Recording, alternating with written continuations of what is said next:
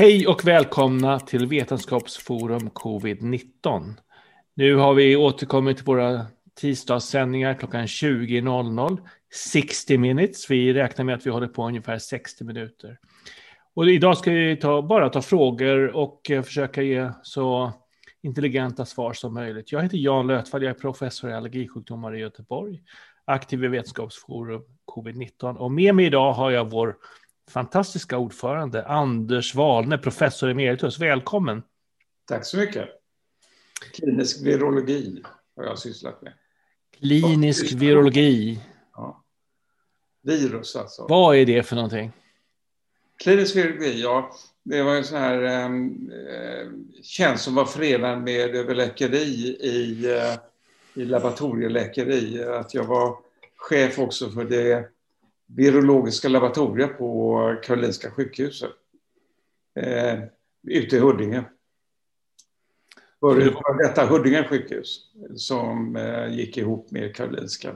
Båda var ju universitetssjukhus och eh, jag byggde upp eh, det, så blev Sveriges största virologiska laboratorium och där får man in prover från patienter och så ställer man en diagnos. Och samtidigt så eh, i samband med det så forskar man och eh, och de första tio åren så blev det så att jag, jag mm. var överläkare och chef eh, mellan halv nio och eh, halv fem och mellan halv fem och elva eh, 23.00 så var jag professor. Så det var ganska långa dagar men jag veckopendlade till Göteborg då så att eh, det var inget som väntade på mig hemma.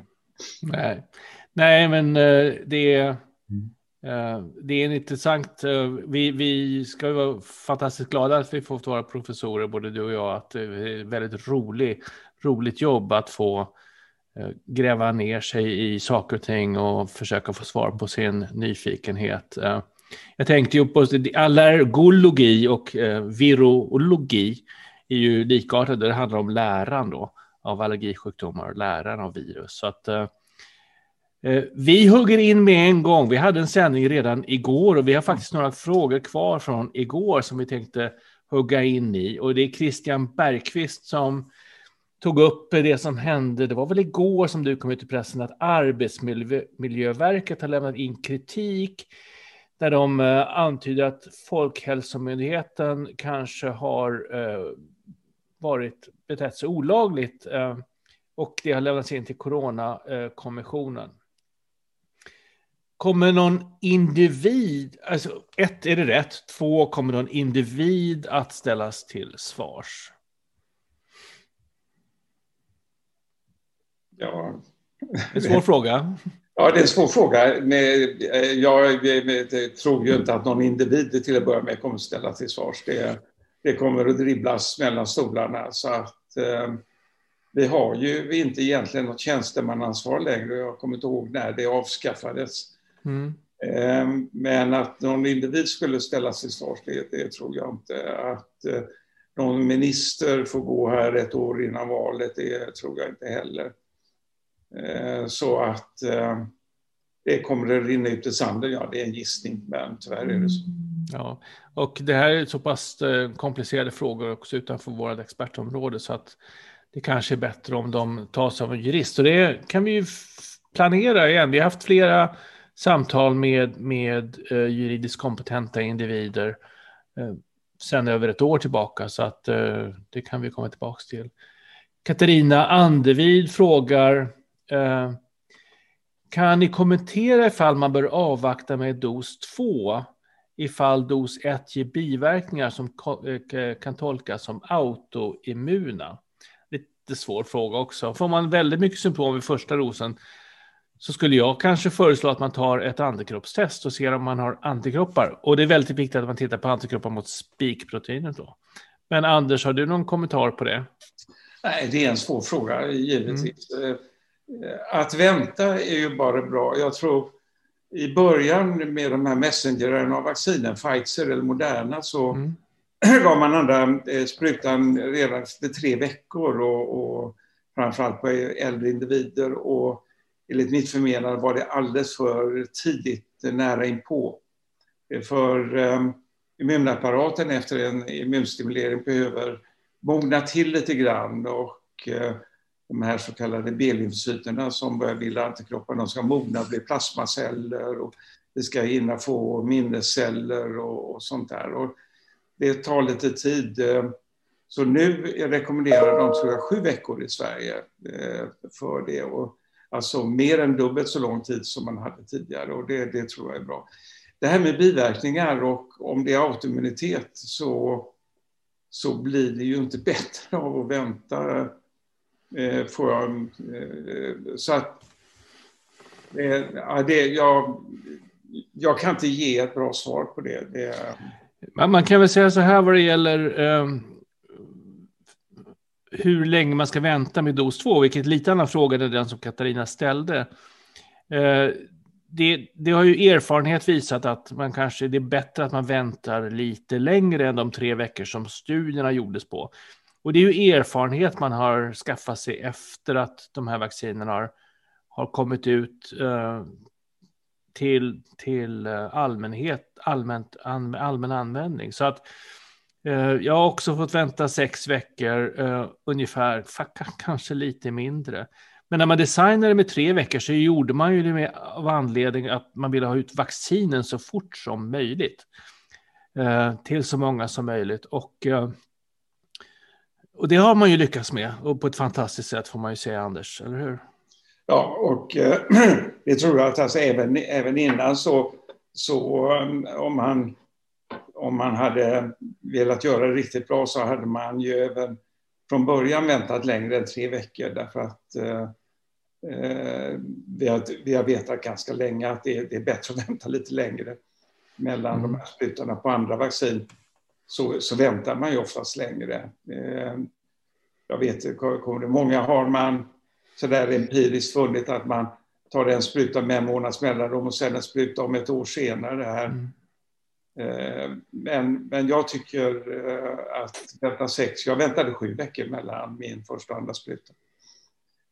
Men är det så att första, eh, första sprutan var Astra om man fick det biverkningar så finns det alltid möjligheter att ta egentligen utom det Annat vaccin, ja ett annat vaccin och ta messenger-RNA-vaccin istället. Det, det, är vad jag skulle förorda. Och, och jag vet ju att även Jan här tycker att vi som är 65 plus skulle få lov att välja vilket vaccin vi vill ta. Absolut, självklart. Eh, emot hälso och sjukvårdslagen tror jag att, att man inte skulle få välja den behandling man vill ha. Så att det, det är absolut, absolut självklart. Det kommer... Här vet vi, att här vet vi att har man fått Astra först så får man ett bättre immunsvar om man tar ett messengervaccin som andra sprutar än om man tar en Astra till. Så att förvägra 65-plussare ett bra immunsvar, det, det, det är åldersdiskriminering enligt mitt förmenande. Eh, vi kan ju väl avslöja för publiken att eh, du och jag och några andra skissar på en debattartikel i ämnet som vi eh, inte haft så jätte, jättebråttom med att få ut kanske, eh, eh, eller fastnar någonstans på vägen, men vi kommer ta tag i det igen utan tvekan. Prata om vacciner mer i allmänhet. Och jag är även bekymrad över att man inte ännu har, har bestämt sig för att vaccinera 12 plus. Vaccinerna är godkända i Europa för 12 plus. Säkerhetsstudierna är gjorda för 12 plus och eh, utifrån det perspektivet bör de kunna ges till 12 plus. Vad säger du Anders? Ja, nej, ursäkta. Absolut. Och vi, eh, vi befarar ju här att efter sommaren så kommer vi få en, en fjärde våg. Vi vet inte om det blir så, men det finns en klar risk. Vi ser ju nu att den indiska varianten, beta-varianten, den, eller förlåt, delta heter den till och med. Eh, man ska döpa om de här, de har tre olika namn eh, kan jag säga. Ehm, men att deltavarianten kommer ta över. Den har tagit över i, i stort sett i Storbritannien, eller börjat över i Storbritannien om den inte har gjort det redan. Skottland bara på någon månad så har den tagit helt och hållet över. Vi har redan 200-300 fall, om ni kommer ihåg den brittiska varianten som numera kallas för alfa. Den hade vi ju stor, hade inga fall i början av året och efter tre månader så var det över 90 procent. Så att eh, jag tror att i och med att vi har nu alla under 18 år är helt ovaccinerade, och kommer att vara det eh, fram i, i, i höst här så, så är det ju eh, vad är det, två miljoner människor som är helt ovaccinerade. Plus alla de som, som inte har vaccinerats i äldre åldersgrupper. Regeringen gick ut idag och sa att till hösten så ska all undervisning ske eh, på plats i skolan och eh, Eh, som de ser det just nu finns det inga restriktioner men beredskap eh, uttrycker de att de har. Reflektioner kring det? Ja, det är ju samma sak här. Alltså, I skolan träffas ju alla barn och vi vet att barn sprider framför allt till andra barn.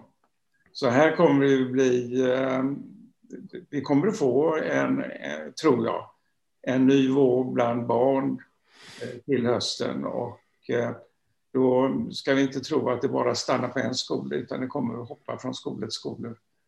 Så, um, och de här barnen kommer att kunna ta med sig hem och, och som vi vet så är ju inget av de här vaccinen vi har hundraprocentigt.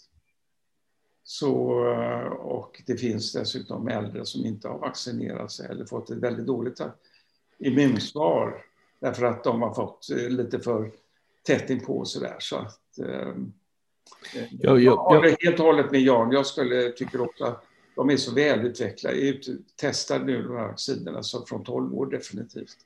Det är många, många miljoner som har fått, fått vaccinerna redan, så det är helt, helt ja, otroligt mycket ja. information vi har.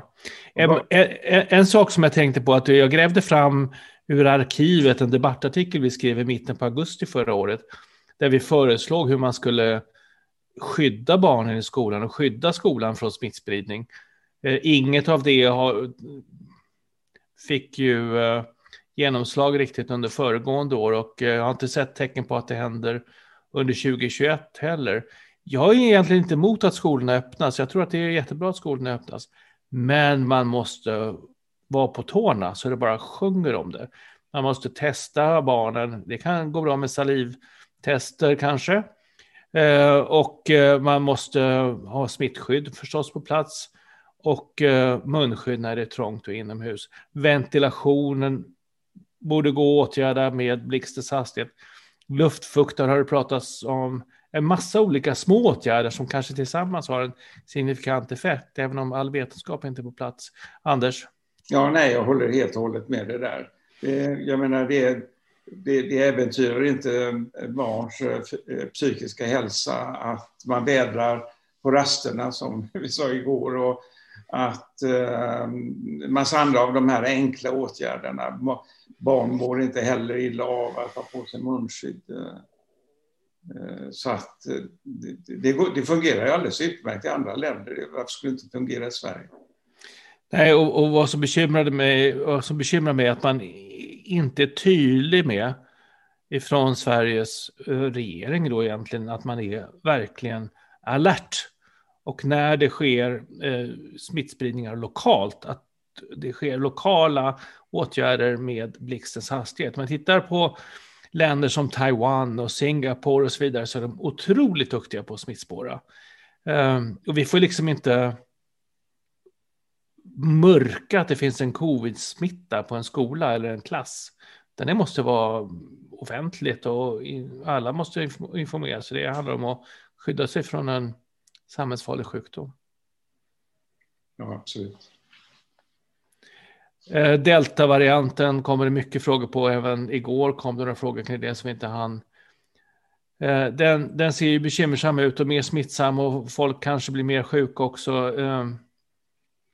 Du kan det där med varianter, Anders. Det finns ingen i Sverige som kan det bättre än du, tror jag. Ja. Äsch. Äsch. Ja, men kommentera lite grann kring den varianten och berätta vad det är som gör att den är så busig.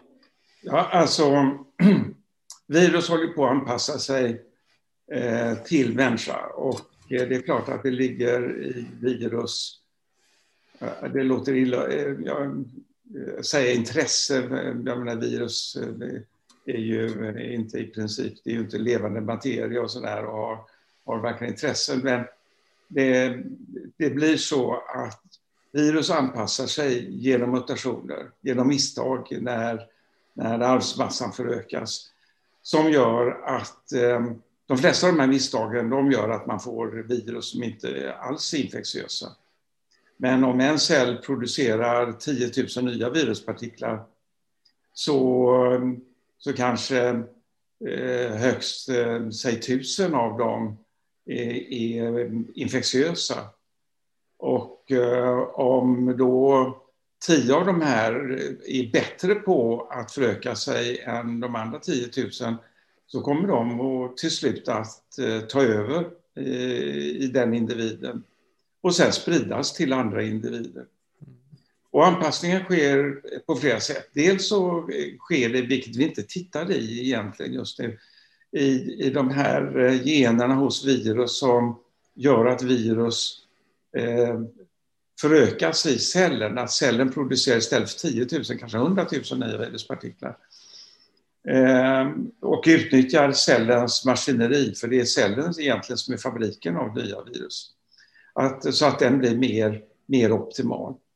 Det vi tittar på nu speciellt är det här så kallade spike-proteinet, det här ytproteinet som med vilket virus fäster in till celler. Och att eh, det fäster bättre in till celler eh, i vår kropp.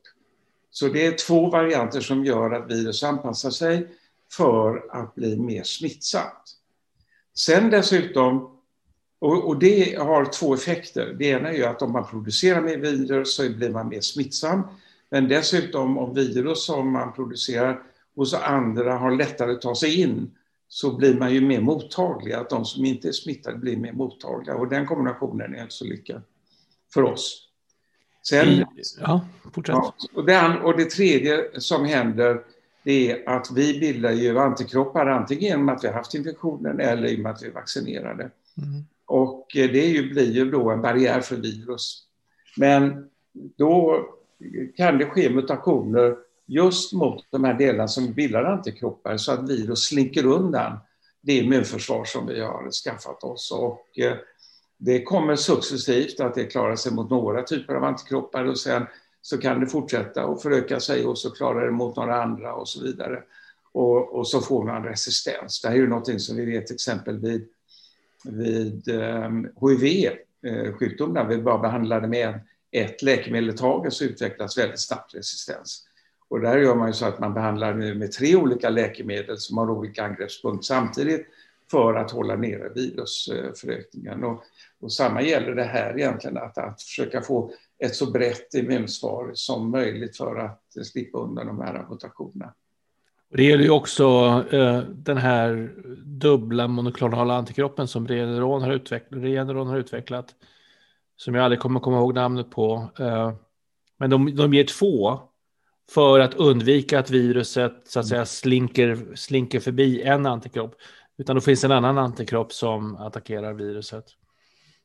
Men här är det ju så att, att vi vet nu att det finns vissa mutationer som gör att det immunsvar som vi har efter vaccination med det klassiska eller genomgången infektion mm. med det klassiska viruset inte fungerar så väl.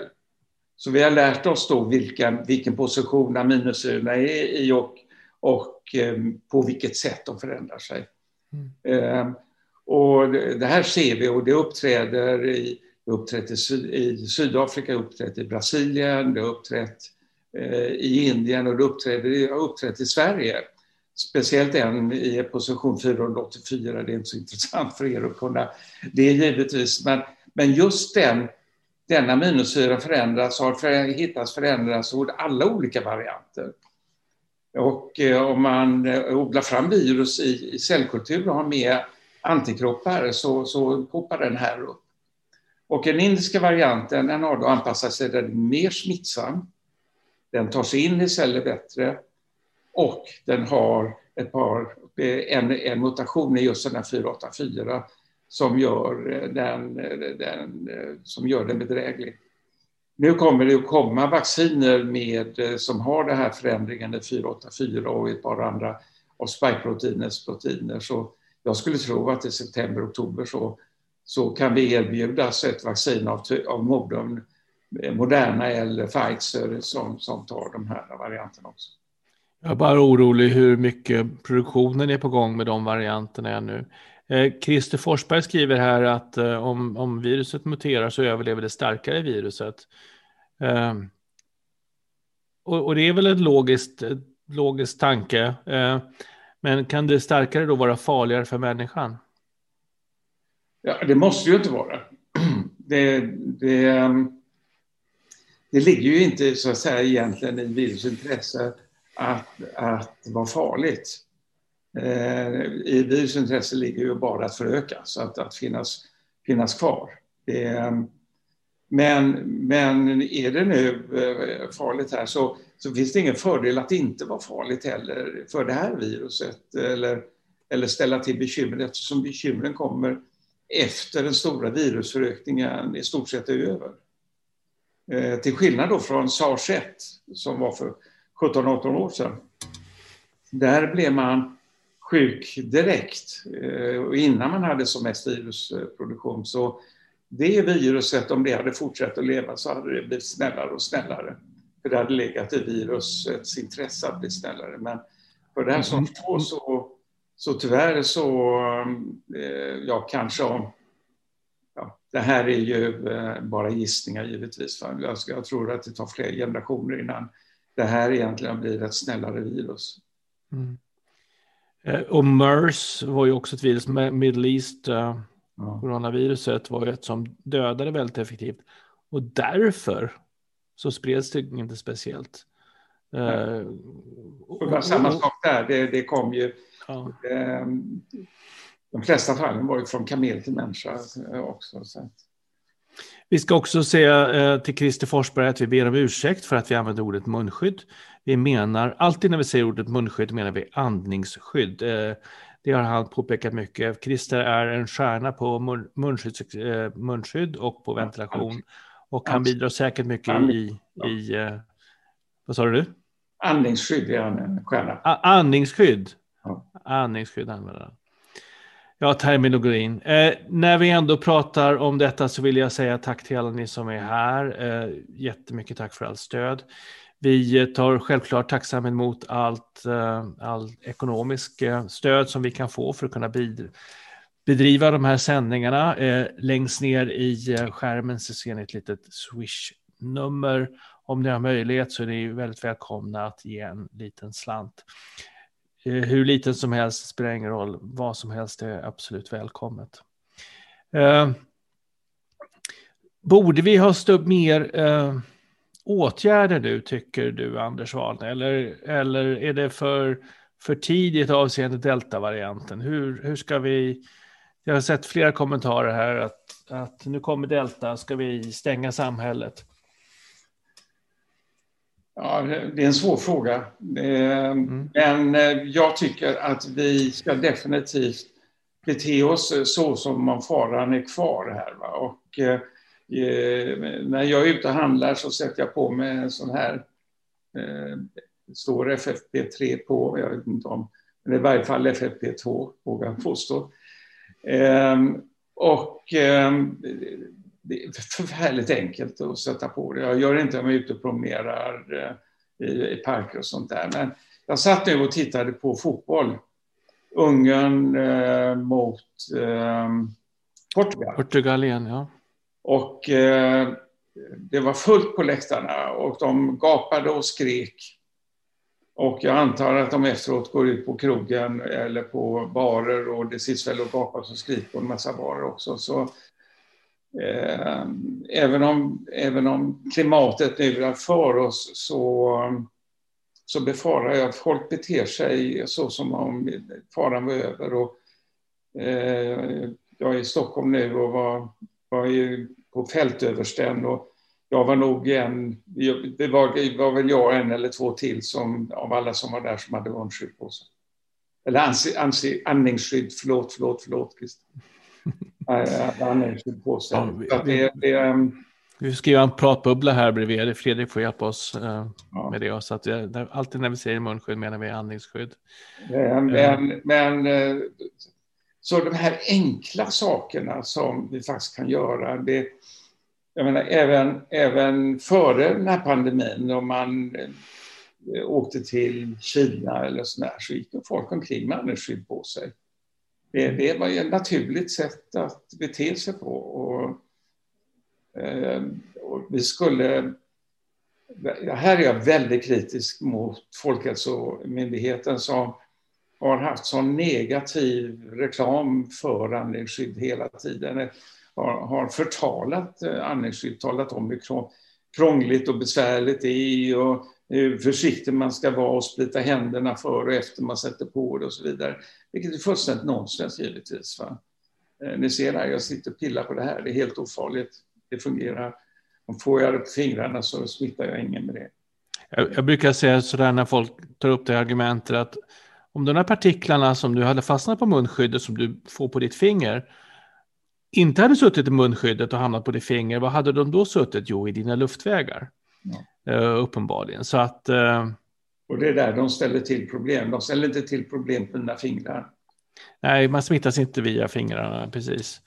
Uh, jag undrar också när vi kan komma tillbaka till att skaka hand och kramas, men, det tar nog ett tag innan vi kan anpassa oss till det kanske. Men,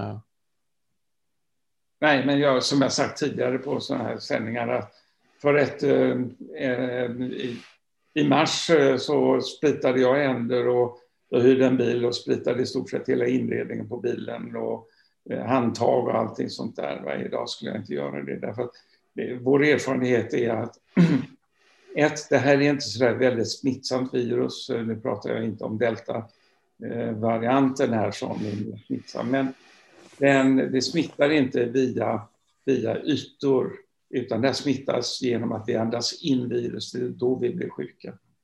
Det är det vi är ganska klara över nu. Louise Persson har en ganska smart uh, kommentar här. Om man, om man effektivt stoppar alla smittvägar som via kontakt uh, och tvättar händerna och spritar sig, men slarvar med att stoppas luftsmitta, skapar man inte en evolutionär fördel då för luftsmitta? Uh, det kanske inte är så enkelt men, som Louise skriver själv, men... Eh, ja, det är ju redan så, kan jag säga. Det, det, Från början. Det är en klar, en klar fördel här. Det, det sprider, sprider, på längre avstånd. Det, och, och där är jag också kritisk mot Folkhälsomyndigheten, att man, att man håller fast vid att det här är inte en luftburen smitta. Det här, helt uppenbart så smittar det på längre avstånd än två meter. Det, det, liksom det, heter det, Bursvik heter det här kaféet i, på mm. Gotland där, där en medlem i en orkester smittade samtliga som satt på det här kaféet. Jag menar, det var ju inte så att den personen gick omkring och, och hostade eller nös eh, samtliga i, i, i salongen inom två meters avstånd. Eh, utan, utan här är det så att det blev en aerosol som eh, blev kraftigare och kraftigare allt eftersom tiden gick. Jag vet ju att det var ett par som bara satt inne där i en halvtimme och lyssnade på musiken och sen gick därifrån och blev smittade. Um, och jag, var det mycket virus i luften där? Det var väldigt mycket virus i luften där och det var ju en sån här superspridare. Alltså. Superspridare-event. Mm. Eh, Mikaela Johansson frågar om det finns någon strategi inför skolstart. Eh, nu har jag inte lyssnat på, på presskonferensen från regeringen idag, men eh, de små klipp jag hörde hörde jag ingenting om en strategi hur man ska skydda barnen. Um, lyssnade du på det programmet? Nej, jag gjorde inte det, så jag, jag, jag, kan, jag kan inte svara på det. Men en vild, en vild gissning är att nej, det finns ingen strategi. Nej, och finns det en så är det dold. Och det, det, det, det, jag såg lite inlägg från, från lärarfackförbund och så. Att vi måste skydda inte bara barnen utan också lä, äh, lärarna. Nu har vi vår superstjärna Fredrik som vill säga någonting. Ja, hur såg du det? Jo, det är, jag, har, jag har magiska ögon. ja, alltså det är inte ofta jag ställer en fråga, men jag blev så nyfiken. Senast på presskonferensen så frågade Benjamin Kaliszewelander Anders Tegnell. Då sa han det, nu till hösten vore det inte bra med munskydd på elever då de går tillbaka till skolorna. Då svarade Tegnell att det trodde han inte på utan han tyckte det var viktigare med att de är vaccinerade. Men det jag inte fattar är ju, det ska gå veckor mellan de här doserna. Menar han då att, att elever ska gå i skolan utan munskydd mellan doserna? För skulle det ändå inte vara bättre att man har mun, förlåt, andningsskydd tills man har fått dos 1 och sen har det tills man fått dos 2? Hur tänker ni kring det där? det, för det första, det är ju en reaktivt sätt att tänka, det är inte ett proaktivt sätt att tänka. Ja, vi får se om det blir smitta i skolan och gör vi det så sätter vi igång och, och vaccinerar barnen. Vi vet hur lång tid det tar att sätta igång ett sådant program och hur lång tid det tar att få, få igång immuniteten. Vi måste räkna med ungefär två månader så att det, det låter inte som någon speciellt smart strategi tycker jag. Vad säger du Anders? Nej, definitivt inte. Och, och det här med proaktivt eller reaktivt, det, vi hade en, en, I Göteborg så var det en kommunalpolitiker som hette Göran Johansson eh, som tidigare varit metallordförande i Göteborg, eh, jobbade på SKF. En, en väldigt färgstark eh, herre, han lever tyvärr inte längre, socialdemokrat. Men han, jag lyssnade på ett radioprogram, det var innan Sverige var med i EU. Och det diskuterades, men han var för det hela. Och då ställde radioreporten frågan varför han var för det här och, och då svarade Göran Johansson, ja, alltså det är ju så här att en dag kommer vi ändå vara tvungna att gå med i EU. Vad fan ska vi då backa in med röven för? ja, jag tror många kommer ihåg honom så att uh, det, var, det var en härlig kommentar. Tack för den, uh, uh, Anders. Så att nej, några munskydd i skolan kommer det kanske inte rekommenderas om, om det inte det är helt uppenbart att det inte går att gå i skolan utan, utan att det blir smittspridning till hösten. Eh, det, det är en, en gissning. Vi hoppas att jag har fel, som man säger, att de kommer till sina sinnens fulla bruk och eh, bedriver skyddsarbete på ett effektivt sätt i skolan.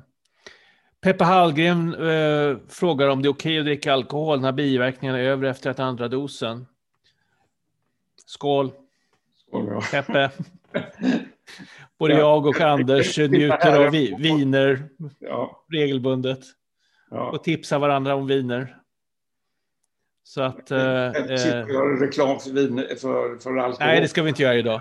Nej, vi ska inte göra reklam för alkohol eller några andra, andra sådana saker. Det är inte värre än, än i andra sammanhang. Kan man säga. Nej, precis.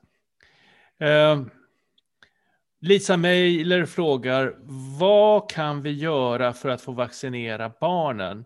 Nu när vaccinet är godkänt, har FHM eller läkemedlet rätt att stoppa det föräldrar som vill vaccinera sig? Har, har de rätt att stoppa barnen som vill, går, går och kräver att få bli vaccinerade när det är godkänt av EMA?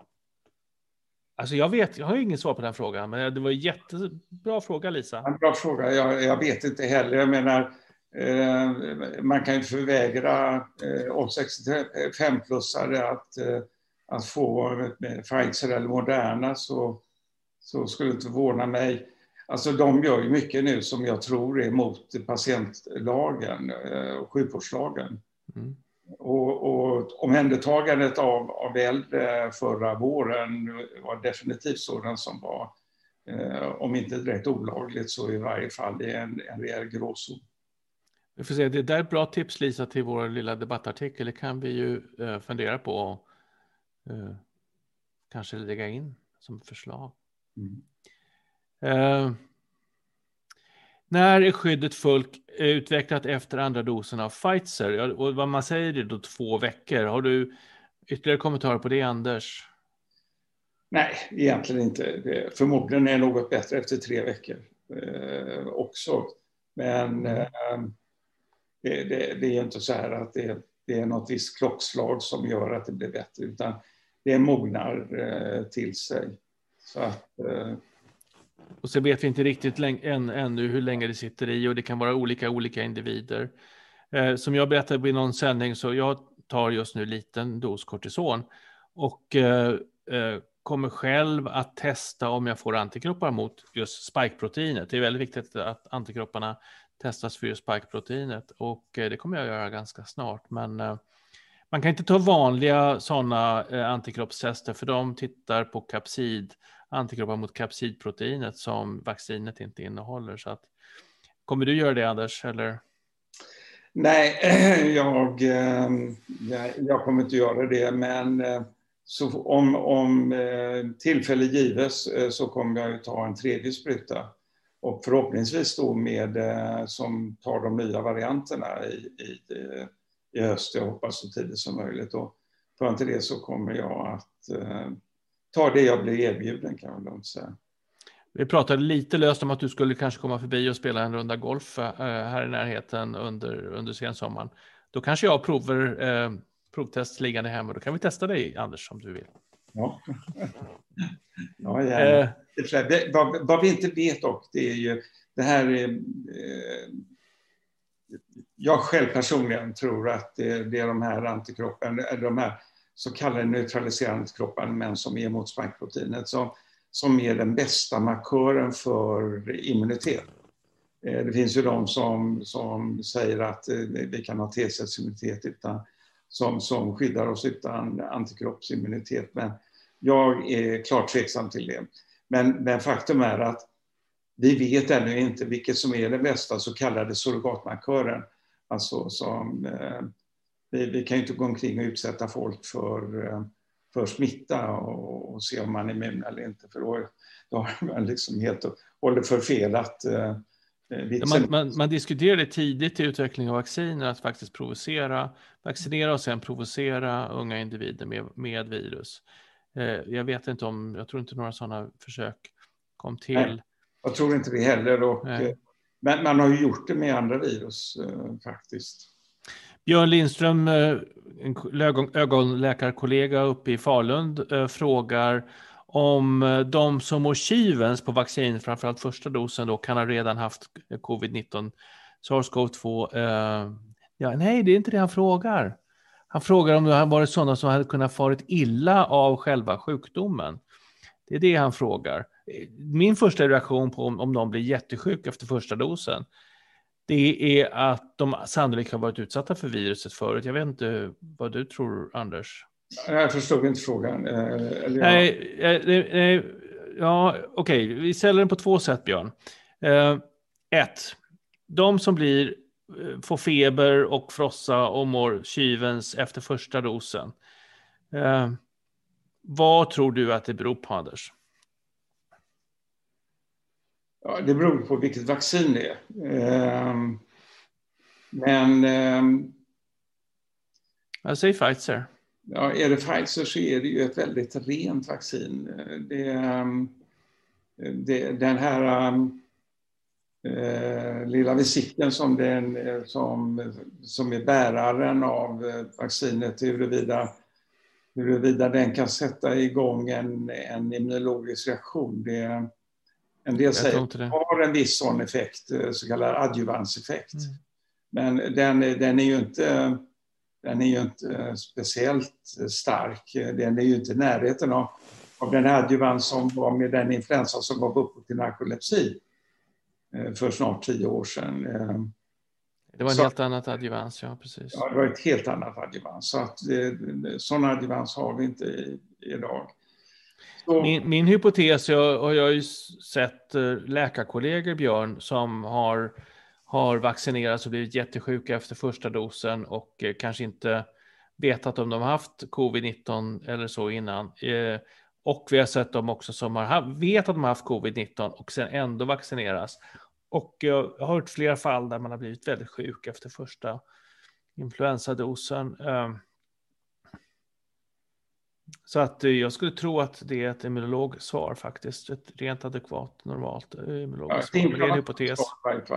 Och, um, men ja, ja, det, det, risken är ju större med Astra och där vet vi ju att, att eh, de här mer, åtminstone att framförallt de här mer banala besvären som lokal ömhet, huvudvärk, feber, allt det här är väl upp, nästan tio gånger vanligare, någonting i den stilen. Fem till tio gånger vanligare med Astra än med, än med de andra. Men det, det, det är ju ändå det är ju ganska banala biverkningar som går över ganska fort.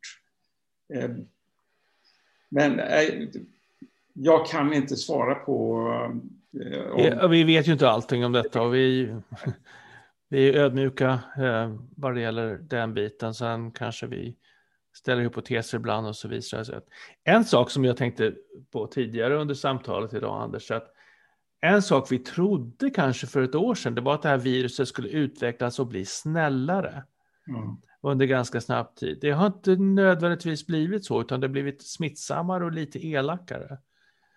Ja, och det är ju en anpassning. Ehm, vi har ju andra virus. Ehm, jag trodde väl kanske inte, det är lätt att säga nu i och för sig, att det skulle...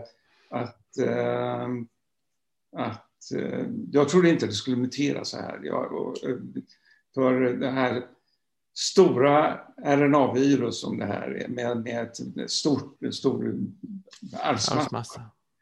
Eh, de brukar inte vi ta mässling till exempel, eh, ungefär samma storlek. Det, det, det, har inte förändrat sig på, på århundraden, eh, någonting egentligen.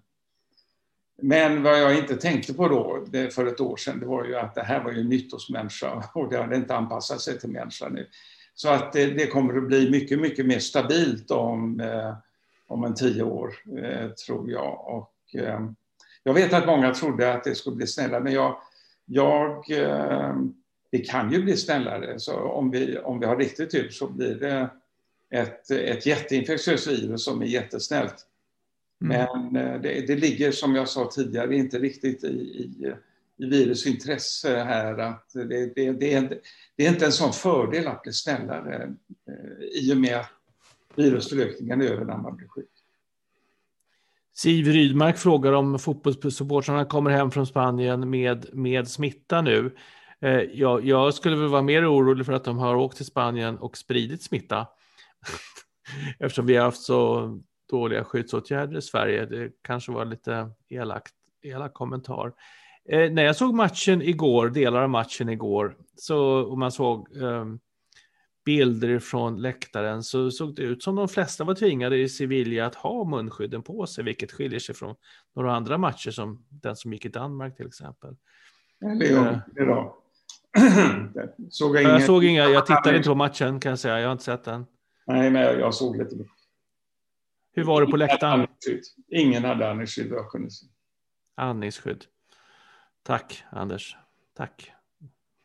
Christer. Eh, visir. Eh, Christer diskuterar med våra lyssnare i, eh, i eh, chatten här om nackdelarna med visir. Jag kan väl säga det att jag debatterade Agnes Wold för, ja det var väl i somras någon gång och eh, Fredrik Ydhag här, vår, vår producent, har lagt upp en video, ett kort klipp där vi diskuterar just hur hopplöst urusla eh, eh, visir är jämfört med munskydd. Det är inte fel att ha både visir och, och munskydd, absolut inte. Men visiren bara skyddar inte mot covid-19. Det såg man i det var Schweiz har jag för mig, där, där servitörer hade antingen visir eller munskydd och de som hade visir blev smittade medan de som hade munskydd inte blev smittade. Anders, har du Nej, tillägga där? Det, det finns ju flera sådana eh, studier gjorda och eh, det, eh, jag menar, i och med att det här eh, med 99 procents sannolikhet är en, en luftburen smitta eh, så är det klart att eh, man andas in luft som kommer från sidorna och överallt. Så att, eh, det, det, det, är klart att om någon spottar i ansiktet så så, eh, så skyddar det mot det, men det skyddar inte mot infektion. Jag kan säga en annan sak här. Och det, om ni tycker att vi är lite luddiga ibland när vi svarar så är det så här att, att eh, både Jan och jag, vi är ju forskare och eh, ställer man en fråga till en forskare så får man sällan ett rakt svar, utan det är om utifall att. Och vi, vi, vi är aldrig tvärsäkra egentligen, men vi är, jag upplever oss just nu som under då tvärsäkerhet när vi pratar med er och svarar på de här frågorna. Normalt sett när vi sitter och pratar med varandra som, som forskare så, så är, är vi aldrig lika tvärsäkra som Johan Giesecke och Anders Tegnell, det kan jag lugnt säga. Vi har ju sagt flera gånger idag att vi inte vet. Ja. Nästan varje fråga har vi sagt att vi inte vet 100 procent allting, så att eh, vi ska inte skämmas därvidlag. Eh, det, det, det, ja, det här med testet för spikproteinet, om det finns för hemmabruk eller inte. Jag tror inte det finns på apoteket, men jag vet inte. Jag har hittat det på internet som jag ska beställa. Jag har inte gjort det ännu. Eh, men vi får återkomma hur man kan få tag på sådana spike-proteins antikroppstest. Det finns ett som Abbott har tagit fram, har jag sett. Eh, Britt-Sofie Öfält eh, berättar att hon och hennes man är 70 plus. De har fått två doser, andra dosen i februari redan. När är det dags för nästa vaccin?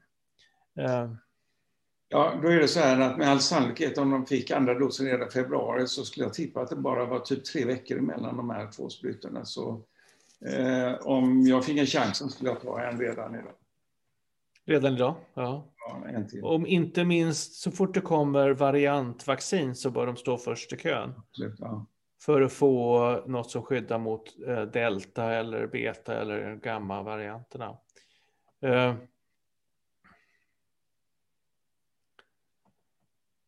Eh, här får jag fråga om något som heter Valneva-vaccinet från Carola Blad. Jag vet inte vad det är för vaccin. Det finns ju en, så många vaccin. Ja. Eh, kandidater, till och med till och med mitt labb har utvecklat en liten vaccinkandidat så att eh, jag, jag, vet inte riktigt vad Valneva är faktiskt. Jag får erkänna, jag, jag vet inte vad namnen är på vare sig Modernas eller Pfizers eller Astras vaccin egentligen. Nej, det, Vad de nej. kallar dem för när de säljer dem. Eh. Nej, jag har, har här vad, vad Pfizers heter. Så att, mitt lilla... Eh, Comirnaty heter det. Pfizers. Pfizer Biontech.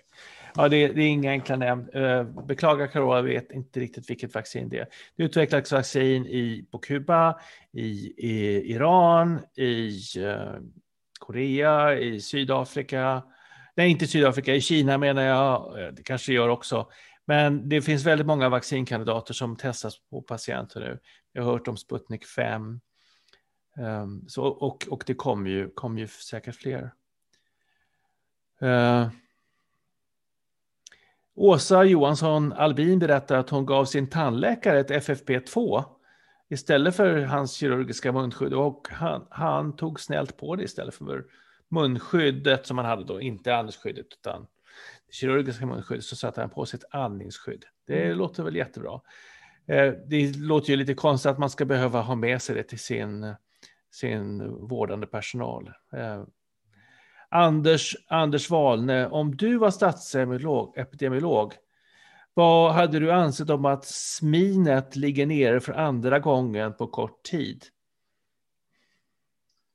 Ja, ja det, det är som alla andra som sysslar med, med sånt här, givetvis. Det, det är inte klokt. Och, det, det, är en skandal. Jag menar, det, det hade ju en annan lätt skandal och det var ju att man att man tog undan rapport, rapporteringsskyldigheten ett tag i våras.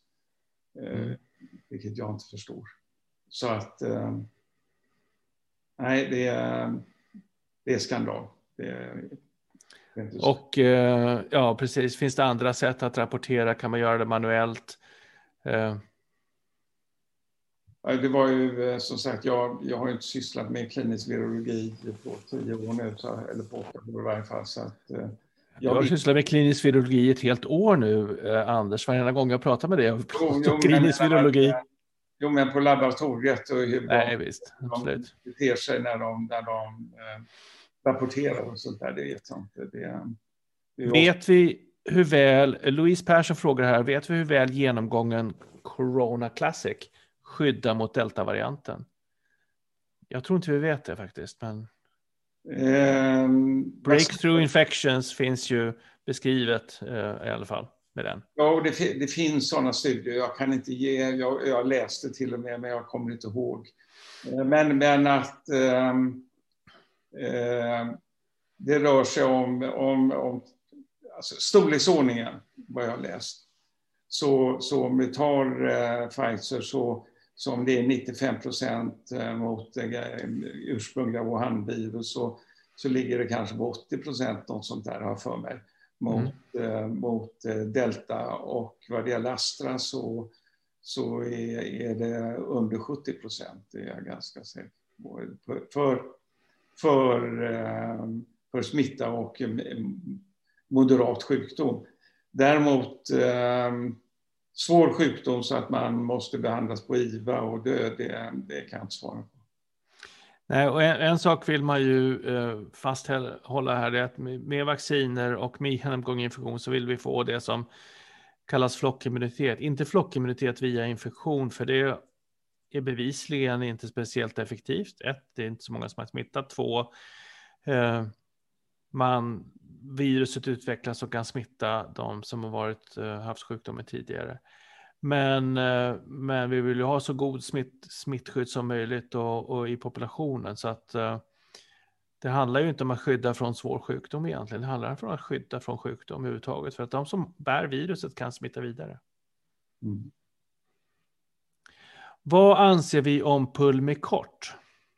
Ja, det kan ju jag prata om. Jag har studerat pulmikort och andra inhalationskortison ganska mycket som, som eh, astmaforskare. Och eh, eh, det visades nyligen i ett par studier från Storbritannien att om man började behandla med inhalationskortison, och då, då använder man pulmikortis som kallas in, budesonid, och det visade sig att det minskade risken för utveckling av svår, svår sjukdom. Så det, det, är inte så att det är, är godkänt för att förebygga eh, progress, sjukdomsprogress ger svår sjukdom. Men, eh, eh, men, men det minskar risken för svår sjukdom. Vi har också sett ganska lite ökad risk för exempelvis astmatiker som då tar inhalationskortison att få svår covid. Så att eh, astma och allergi var liksom inte en riskfaktor redan tidigt i sjukdomen för svår sjukdom. Så att en hypotes, en förklaring kan vara att de flesta av dem tar då inhalationskortison.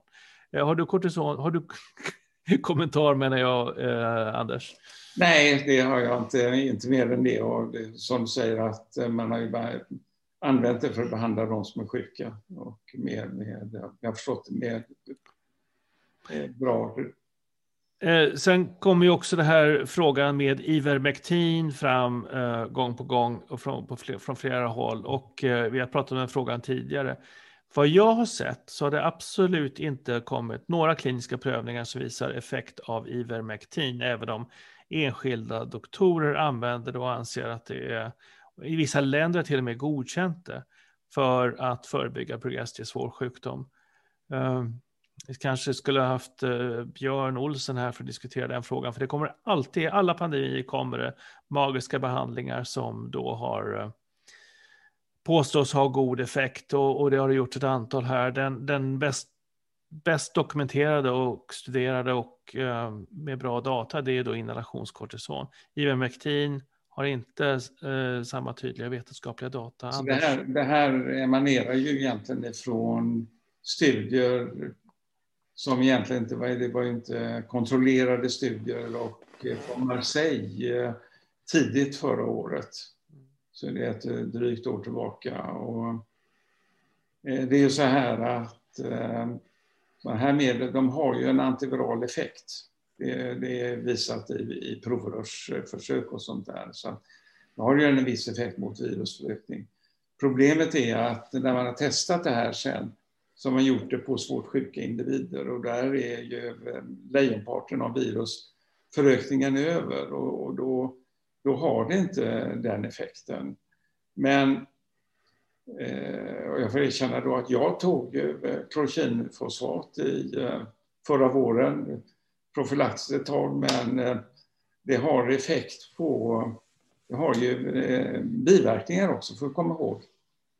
Nu, I lågdos är, är ju eh, många som har eh, reumatiska besvär som tar det här med en, en hyfsad effekt. Och Eh, det är möjligt att de har en viss, visst skydd eh, mot eh, att bli smittade eller svårt sjuka av det här. Men om man, annars är det så att halveringstiden är väldigt lång och det är lätt att överdosera. Och, och eftersom det är så lång halveringstid så tar det lång tid när man, efter det att man har slutat upp med behandlingen innan man blir av med det här medlet. Och det kan ge retledningsbekymmer i hjärtat. Och jag kan säga att jag själv jag fick som vi kallar för bradykardi, det vill säga en väldigt långsam puls. Och eh, så, så jag, jag, jag, slutade med det här någon gång i april förra året. Någon, eh, bekant läkemedelsexpert som föreslog det har jag misstanke om. Jag vet, ja, just det. kanske till och med vän. Verksam i Göteborg en gång i tiden. Ja. Eh, nej, det var ju intressanta data. Det finns, finns ju teoretiska skäl till att fundera på att, om det kunde, kunde fungera, men det har inte i kliniska prövningar på något sätt visat sig vara effektivt. Eh, ingen minskad dödlighet. Eh, sen säger Monica Kristensen här om Seretid som en kombinationsbehandling med inhalation. Det är samma sak som pulverkort. Och, och det finns mång, två, många typer av inhalationsmediciner. Eh, bara ren inhalationskortison som då dämpar inflammationer i luftvägarna. Eh, väldigt lite om några biverkningar. Minskar då risken för svår covid. Och så finns det de som är kombinationsbehandling med bronkvidgad också. Och det används ofta vid astma och vid KOL-sjukdom. Eh, det finns inga studier på dem. Det finns ingen anledning att tro att de skulle vara sämre än eh, Pulmicort. Tvärtom finns det teoretiska möjligheter för att som skulle kunna vara bättre. Men Seretid och Symbicort till exempel som inhalationskombinationspreparat, de fungerar, borde fungera likadant som, som Pulmicort eller andra inhalationskortisoner. Um, ehm, Marianne Riltoft frågar, um, hur ska vi bete oss som färdigvaccinerade? Vågar man träffa sina närmaste vänner inomhus? Uh, ska man vänta till man är fullvaccinerad? Vi har inte umgås på 15 månader. Vi kanske har lite olika svar på den frågan, Anders. Jag vet inte, men du börjar. Ja, om man umgås med sådana som också är fullvaccinerade så, så skulle jag eh, umgås som vanligt. I all synnerhet i sommar när, när eh, smittan har gått ner. Men eh, om alla är fullvaccinerade då är ju, skulle någon bli smittad Eh, smittad så är då sannolikheten att den personen eh, utsöndrar mycket virus är mycket lägre och eh, så det är en kombination av mindre virusförökning hos den som är smittad och en mindre mottaglighet hos de andra som inte är smittade. Så, eh, men jag skulle nog i sommar då vädra ordentligt och eh, jag skulle ehm, förmodligen, jag, eller ja, det, det, vet jag inte förmodligen, jag kommer inte att gå på några sportbarer eh, med stängda dörrar och sånt där. Det, den tiden är, är långt förbi för mig och det kommer dröja väldigt länge innan, innan jag utsätter mig för den jag, typen av Jag tror det är en väldigt viktig fråga det som Marianne ställer, för vi måste på något sätt psykologiskt och emotionellt börja komma tillbaks till något lite mindre onormalt liv åtminstone. Och mm. börja träffa andra människor och börja gå till jobbet kanske och, eh, och inte vara alltför för rädd i den processen. Men självklart vara på tårna om det kommer smittspridning och sådana saker. Jag kan säga att vår familj, min, min fru blir, blir, får sin andra spruta i nästa vecka. Redan dagen efter så kommer min mamma, redan innan kommer vår dotter hit. Eh, och eh, för att spendera midsommar. Min mamma kommer dagen efter, hon är fullvaccinerad och eh, signifikant över 80. Och vår son kommer eh, ungefär samma dag tror jag. Eh, så att, och det kommer vi, eh, så kommer vi leva, och vi kommer, men däremot kommer vi testa. Vi har, jag har köpt ett sånt eh, antigentest. Vi kommer testa eh, allihopa första dagarna för att se om att de inte, man ingen bär, sig, bär på, på smitta, symptom symptomfritt. Det, det, så kommer vi bete oss, men sen kommer vi umgås både inomhus och utomhus. Vi kommer dessutom ha folk över på både kräftkalas och annat, men då blir ju i huvudsak umgänget blir ju utomhus då. Kan jag säga. Nej, jag... Eh, I nuläget och sen får vi se hur saker och ting utvecklar sig. Men eh, jag vill tillbaka till jobbet. Jag vill sätta mig på ett flygplan. Jag vill resa. Jag vill åka till Italien och gå på möten. Jag vet inte, Anders, vad tänker du? nej, jag, jag, också, jag, eh, jag flög faktiskt eh, uppifrån från Båstad till Stockholm häromdagen. Första, första flyget jag gjorde på ett och ett halvt år nästan, eller ett år och tre månader Verkligen. Ehm, men med munskydd. Alla hade eh, eller andningsskydd i, i planet. Men, och jag umgås nu med eh, en familj med, med sådana goda vänner som eh, också är, eh, har fått två stycken sprutor. Så att eh, jag bör, vi, även jag börjar återvända till ett mer normalt liv. Men fortfarande är gå in i affärer så har på människor. Ja. Fortsatt försiktighet men för vår psykiska och emotionella hälsa så tycker vi att det är dags att börja lite grann krypa ur våra små iden och komma ut i stora livet. Eh, en sista eh, sista fråga från eh, så PMK Forstenius. Tack Anders Wahlne och Jan Lötvall för era strålande insatser. Vilka fantastisk tillgång ni är med er spetskompetens. Synd att så många i landet går miste om er klokskap. Ja, vi sprider vårt budskap så mycket som vi kan och vi finns mycket information på internet. Tack så jättemycket för ditt stöd, för ditt stöd eh, och för dina varma ord. Anders? Ja, tack. Nej, men eh, vi, vi får väldigt mycket värme ifrån er och det är jättetacksamt. Och återigen så kan vi väl eh, säga det som Jan sa eh, mitt i eh, den här timmen att, att eh, det, det, är ju eh, det här är ju en verksamhet som vi bedriver utan någon som helst eh, ekonomisk utkomst.